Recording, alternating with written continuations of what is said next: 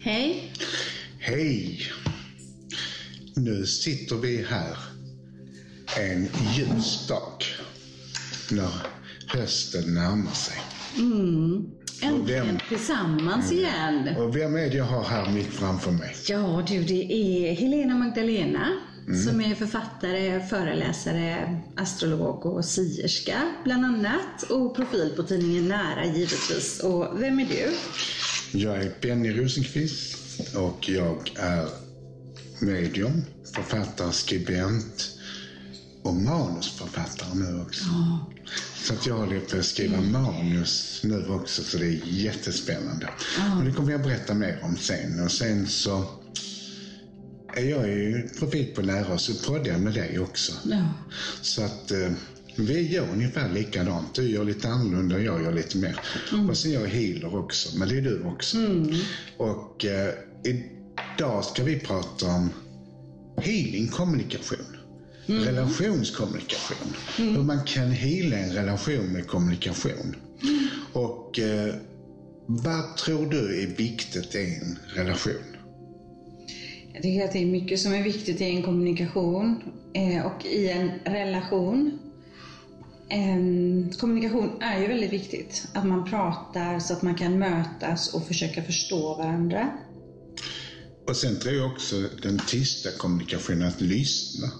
Att det finns ju vissa människor som är extroverta och de lyssnar inte på sin partner utan de pratar på och tar inte in sin partner. För oftast är det ju så, att en är oftast introvert och en extrovert. Det förekommer även att två extroverta träffas men då blir det nog aldrig tyst. och så finns det de som är två introverta och då blir det ingenting sagt. Så att eh, det är spännande med det här med eh, känslor. Men eh, eh, jag tror någonstans att eh, respektera. Och att någonstans lyssna in den andra partnern. Och eh, ha, prata med varandra och inte förbi varandra. För många människor de pratar förbi varandra. Och det har jag själv varit med i relationer när människor inte förstått vad jag sagt eller lyssnat på vad jag sagt och då har vi missförstått varandra. Mm. Ja, och det är ju just det här viktiga i att lyssna, lyssna rent.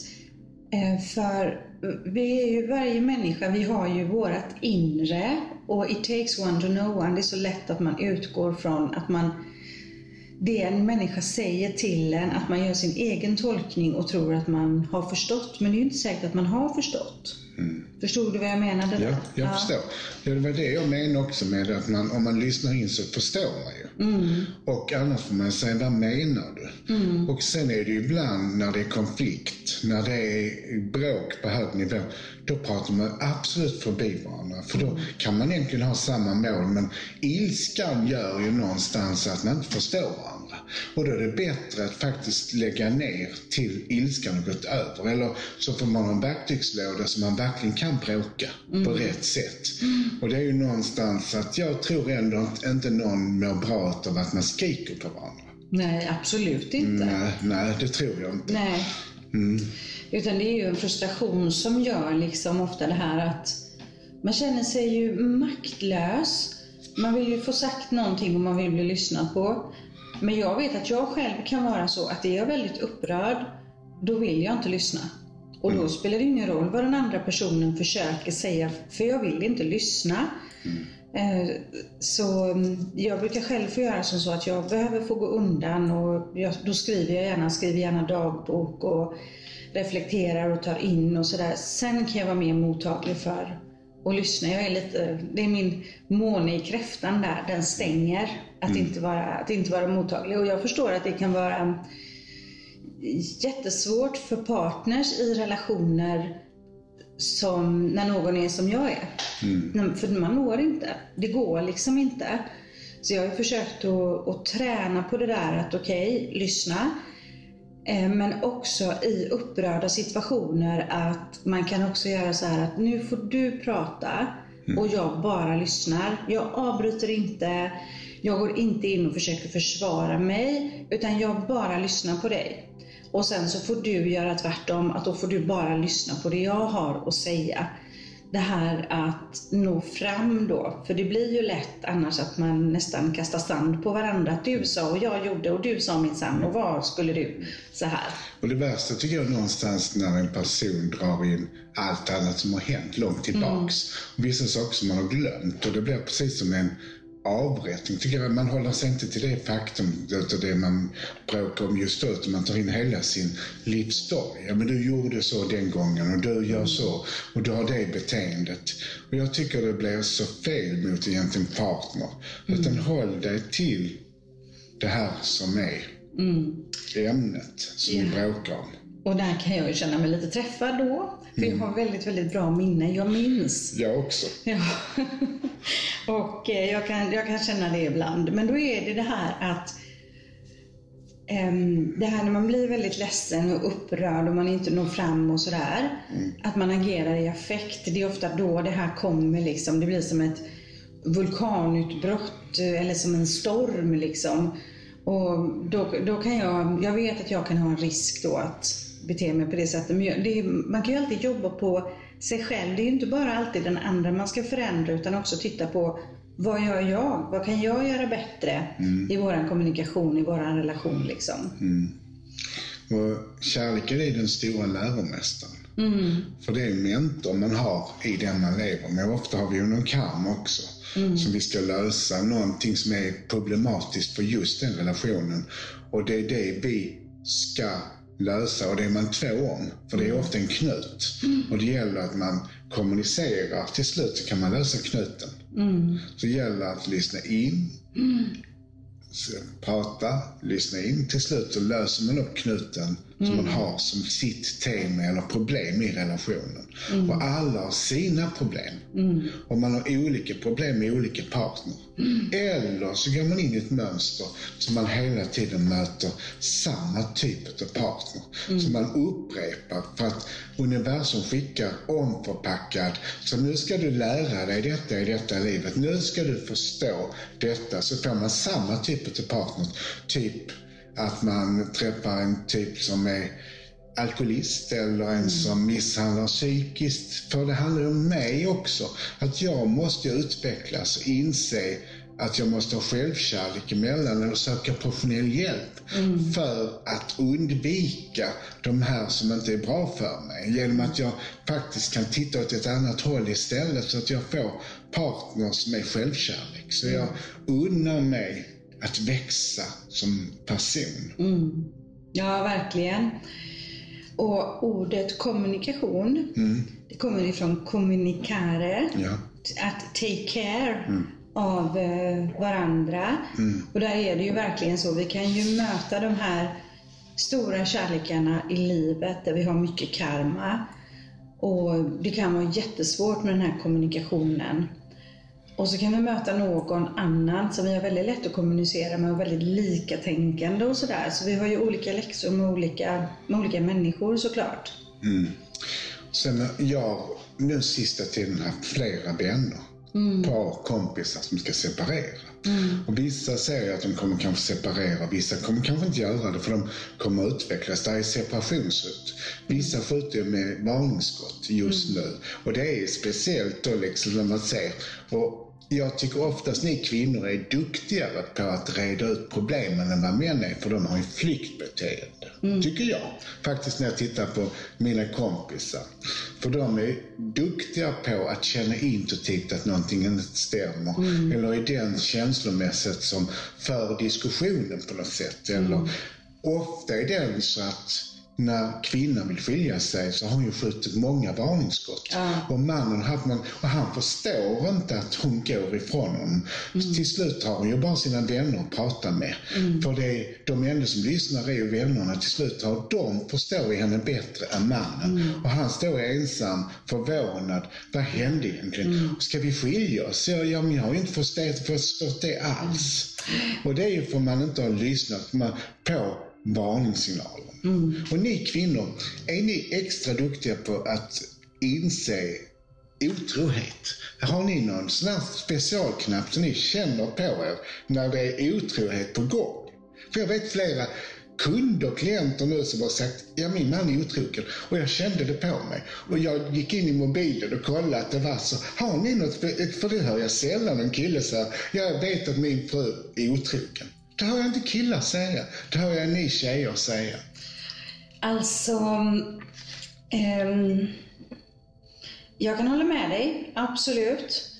Eh, och jag tror väl att det är liksom, vi kvinnor kanske är mer reflekterande många gånger, att vi känner in lite mer.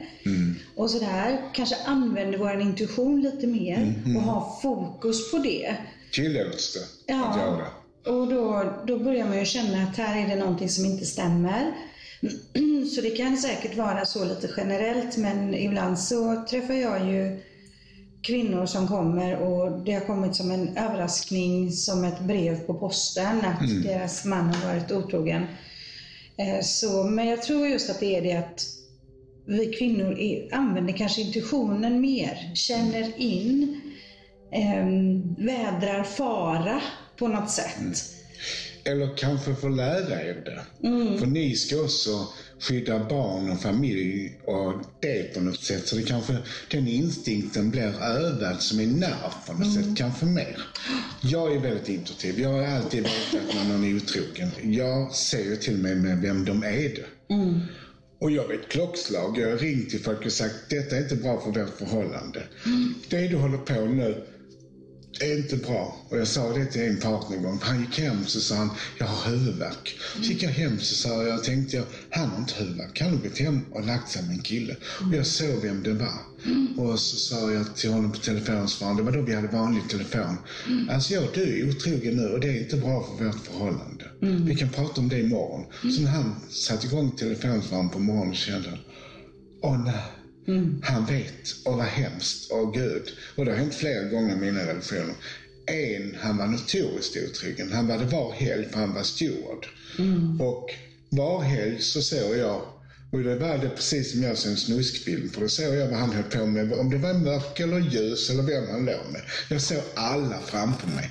Och det är nackdelen att vara medial, för det var som att gå in i en film. Alltså se det. Och han nekade ju alltid till det. Men när vi gjorde slut så sa en kompis till honom, ja nästan till 98 procent hade du rätt. För han berättade för mig och sa, Benny vet. Och Benny vet. Och Benny vet. Så det är bra att jag, det går nog inte vara lätt att vara min partner. Nej, det finns ju sina fördelar och nackdelar med att vara medium. För det är ju, när, när vi jobbar så som vi jobbar, vi kan ju verkligen tona in och se över avstånd och få till oss information på ett sånt sätt. Och du är ju klockren i det då som får till dig så. Jag, har, jag har inte varit med om otrohet, mig veterligen, vilket jag inte heller tror i mitt vuxna liv. Men däremot när jag var tonåring. Men jag kan ju intuitivt känna om det är någonting annat som, som är fel. Eh, och ja, jag ser, ju, jag ser ju in i framtiden. Det är ju liksom mycket där jag är. Eh, och jag vet inte om jag har berättat det här, men fyra år innan jag skilde mig från min första man. Vi hade, vi hade en jättebra relation och så här, ni är flickornas pappa. Så de två yngre flickornas pappa. Eh, så skulle vi lämna Småland och vi skulle flytta till västkusten och bygga hus i Särö i Halland. Och eh, vi sökte jobb och fick jobb och allting gick jättebra och vi satte ut vårt hus och vi började bygga och sådär. Så ringde min, eh, min före detta mans nya chef. Hon bara ringde honom. Hon skulle bara fråga någonting. Och när jag hör, för jag hör ju själen i rösten, det är därför jag kan jobba så mycket med telefonen. Så får jag bara det att hon är hans nästa partner. Jag visste det. Och det kom ju lite chockartat där och då. Men jag har ju alltid en tro på att allting har en större mening. Så att jag kunde ju jag fick ju hantera det. Jag blev ju väldigt, va? Vad är det här liksom? För jag, jag drar inte åt att vara svartsjuk, så det var ingen sån här. Men jag fick reflektera lite över det och så fick jag väldigt tydlig guidning i att den dagen kommer att komma, men när den dagen är här, då kommer jag se det som att det är en jättefin utveckling. Det är det som ska komma. Och fyra år senare sen då så skilde vi oss och då var det hon som var hans partner sen. Så jag visste det. Och jag har många gånger funderat på varför fick jag veta det? Och jag har en känsla av att det var, jag sa inte det till honom då. Jag sa inte det för jag kände att det föder ju kanske oro och rädsla åt honom som inte han ska ha och att det kan kännas jobbigt på nya jobbet och sådär. Men eh, då kände jag det att det, jag fick veta det den gången för jag skulle vara förberedd på att vi kanske inte är för alltid. Och vi stod också i en sån stor situation att min före detta man då skulle lämna Småland där han kommer ifrån och flytta med till västkusten. Mm. Men när vi sen hade skilt oss, vi skilde oss som vänner och så, det var, det var en jättebra separation. Eh, för då kände jag dåligt samvete att jag hade flyttat honom från Småland. Men då sa han, det det bästa du har gjort, det var att ta mig till västkusten. Så det är jag det evigt tacksam för. Och då förstod jag det att min guide ville att jag skulle vara förberedd på den här utvecklingen. Men jag blev väldigt förvånad. Jag brukar säga det att jag tror inte att någon som är lycklig har skilt sig. Att det är en anledning att man skiljer sig.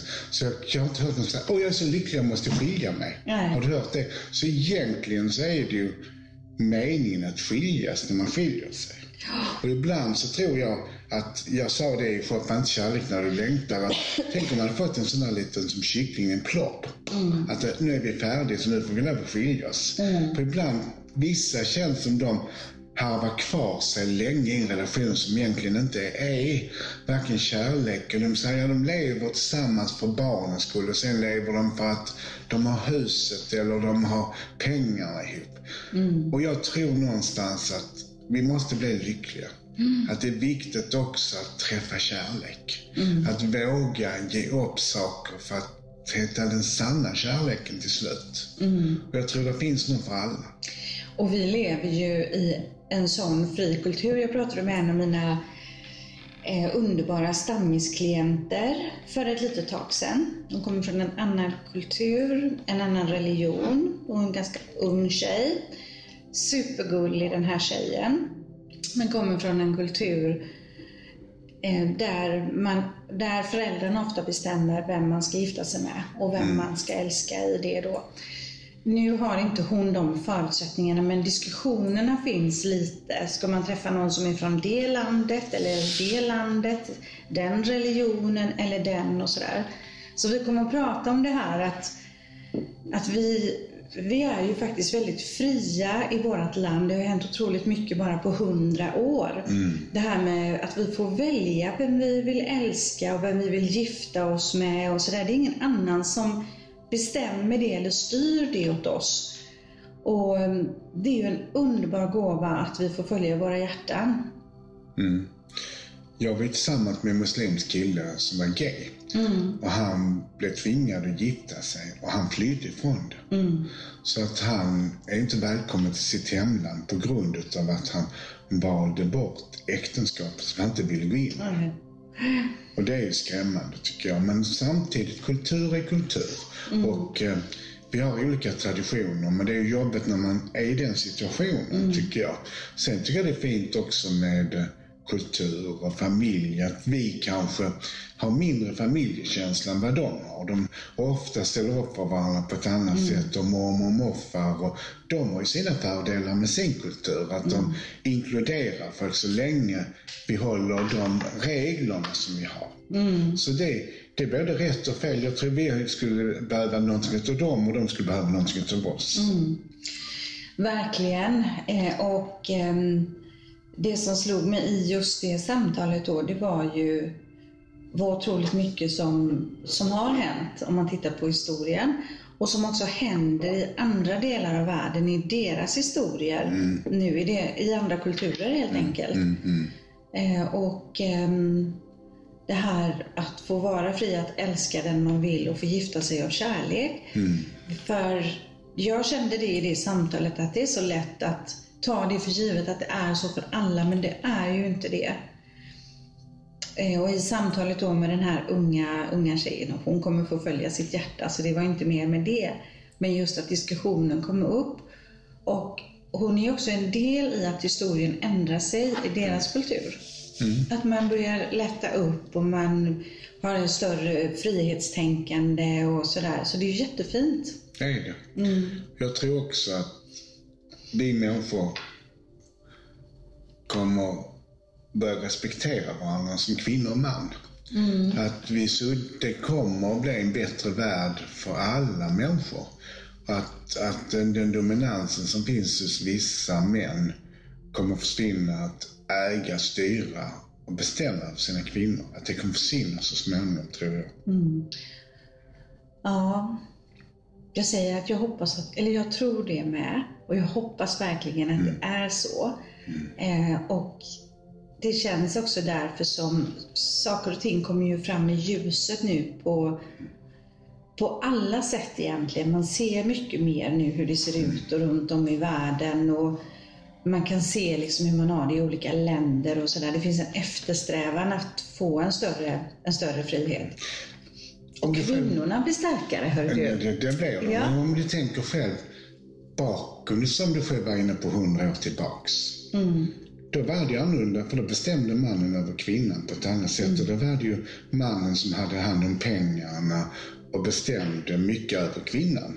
Ja, det har ju förändrats i Sverige nu. Gudskelov för det, eller hur? Så att det tror jag kan hända i hela världen också. Och jag tror kvinnor är starka och jag tror det är kvinnans tid nu. För ni är duktiga på att kommunicera. Och kommer att bli bättre att ta för er. Så jag tror att det kommer att bli någon form av kvinnorevolution i världen när ni kvinnor reser er mer.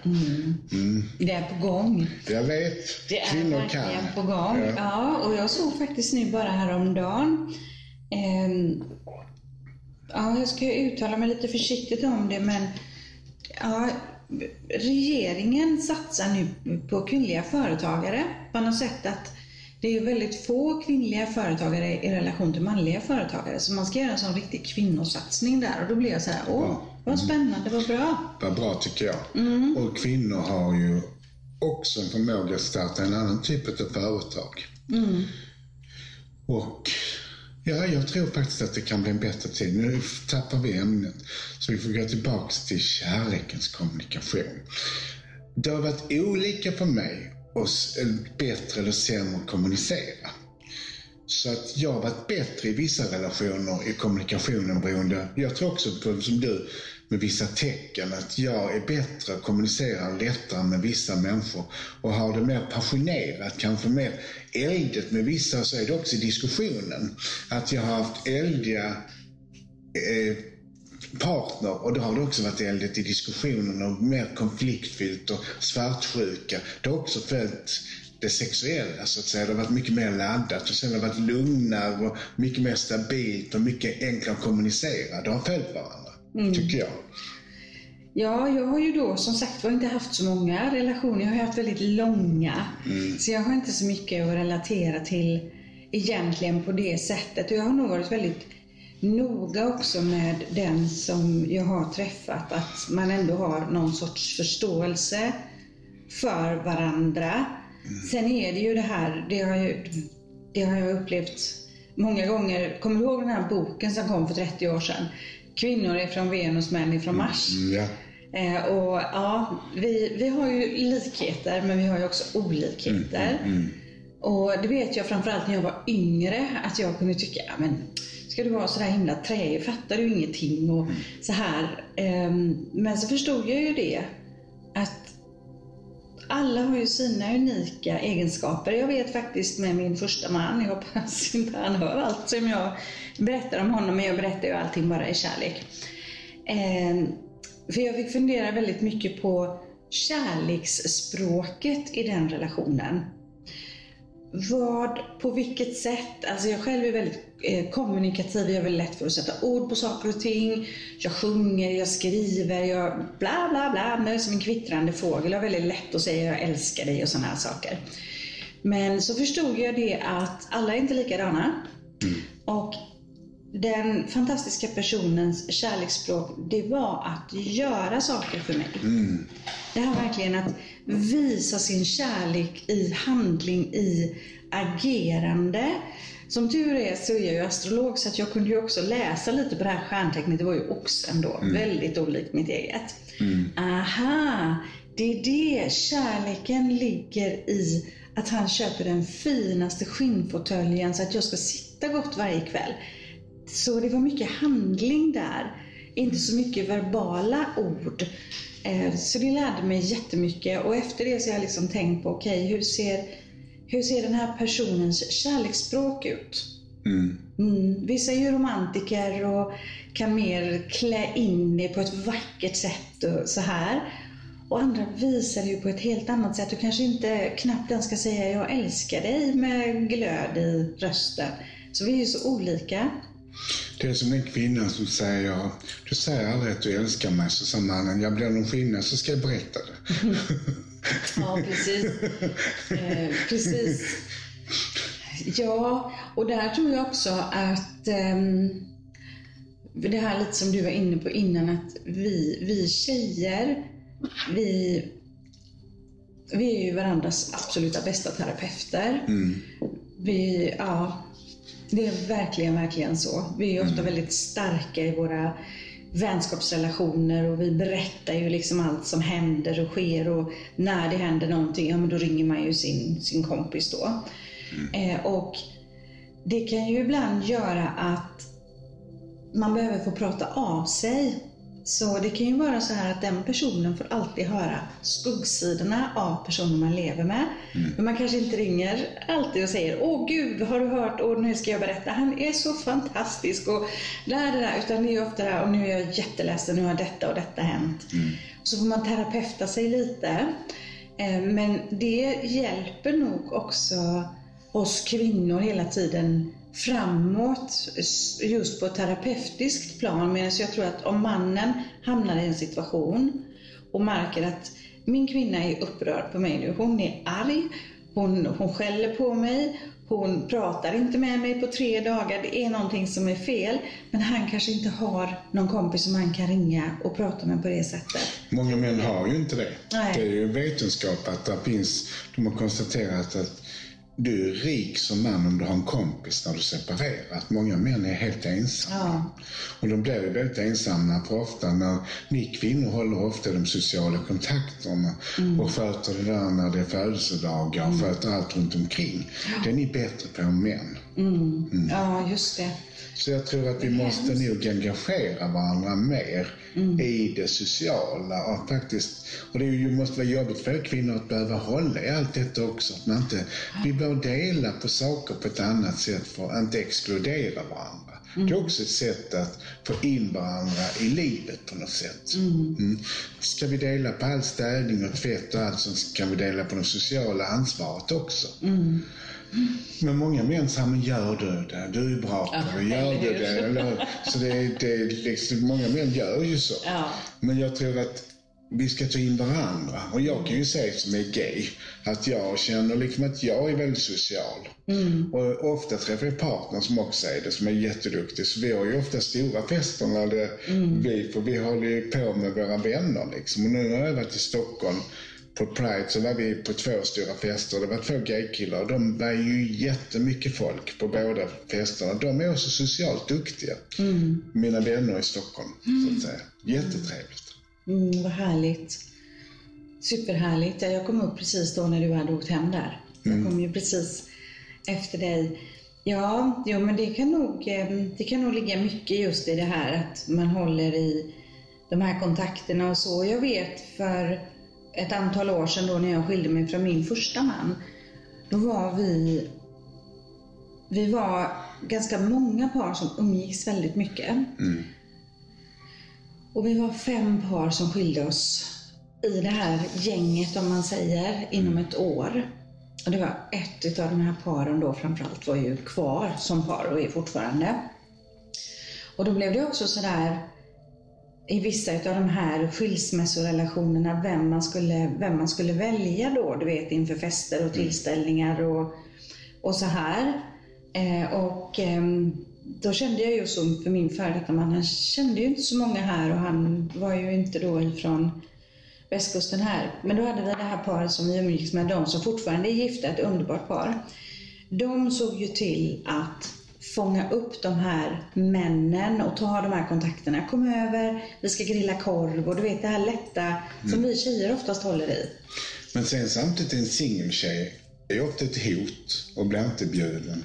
Mm. Till, till exempel en parmiddag med massa par. Då kan man bjuda en kille men man bjuder inte hem en singeltjej. Aha. Det är många som inte gör, för jag vet många kompisar till mig som är singlar. De blir inte bortbjudna för att de är singlar liksom. Men blir männen det då? Ja, kan männen bli. Männen blir det och Ja men tjejer. tjena, det vet jag många som säger att min man blir bortbjuden. Han, för han är inget hot för kvinnan, men kvinnan bjuder inte hem, det är ofta hon som bjuder hem singeltjejen. För det kan vara en konkurrens om hennes man. Hoppsan, hoppsan. Mm, hoppsan, hoppsan, hoppsan. Hoppsan, hoppsan. Ja, och det är som vi skojade häromdagen att män de lånar ju hellre ut sin fru än de lånar ut sin bil. Ja, Här. precis. Är- Precis. Ja, det kan ligga lite i det. Ja. ja, men det är ju jätteintressant det här med kommunikation och liksom kärlek. och hur otroligt viktig kommunikationen är i kärlek för att man ska kunna växa och utvecklas tillsammans. och kunna separera i samförstånd och Mm. försöka att inte förstöra för varandra utan istället inse, jag har älskat den här personen Mm. och den har tillfört mycket och nu, ja man hittar en massa fel, det är därför man separerar men man ska också komma ihåg allt som har varit bra. Mm. På så vis kan man ju kanske försöka skiljas som vänner istället. Mm. För att någonstans kanske man har barn eller har ett hus och man ska göra upp saker och ting. Och det är bättre om man försöker att inte bråka så att man förstör relationen istället. För man pratar lite illa om man pratar illa om sitt ex. För jag har ju valt den personen. Och man kanske ska vara försiktig vad man säger om det i sina val. För någonstans har man ju älskat en person.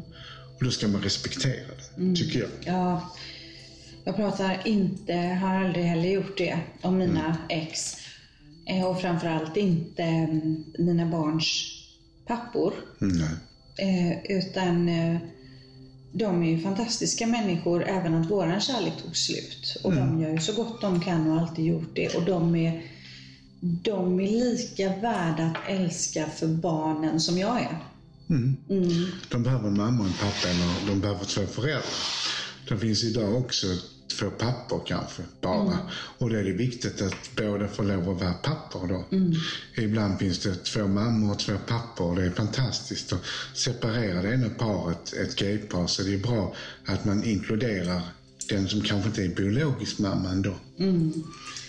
Ja, det är så härligt att eh, man kan ha så många föräldrar. Ja, det är inte dumt. Ja, kan man.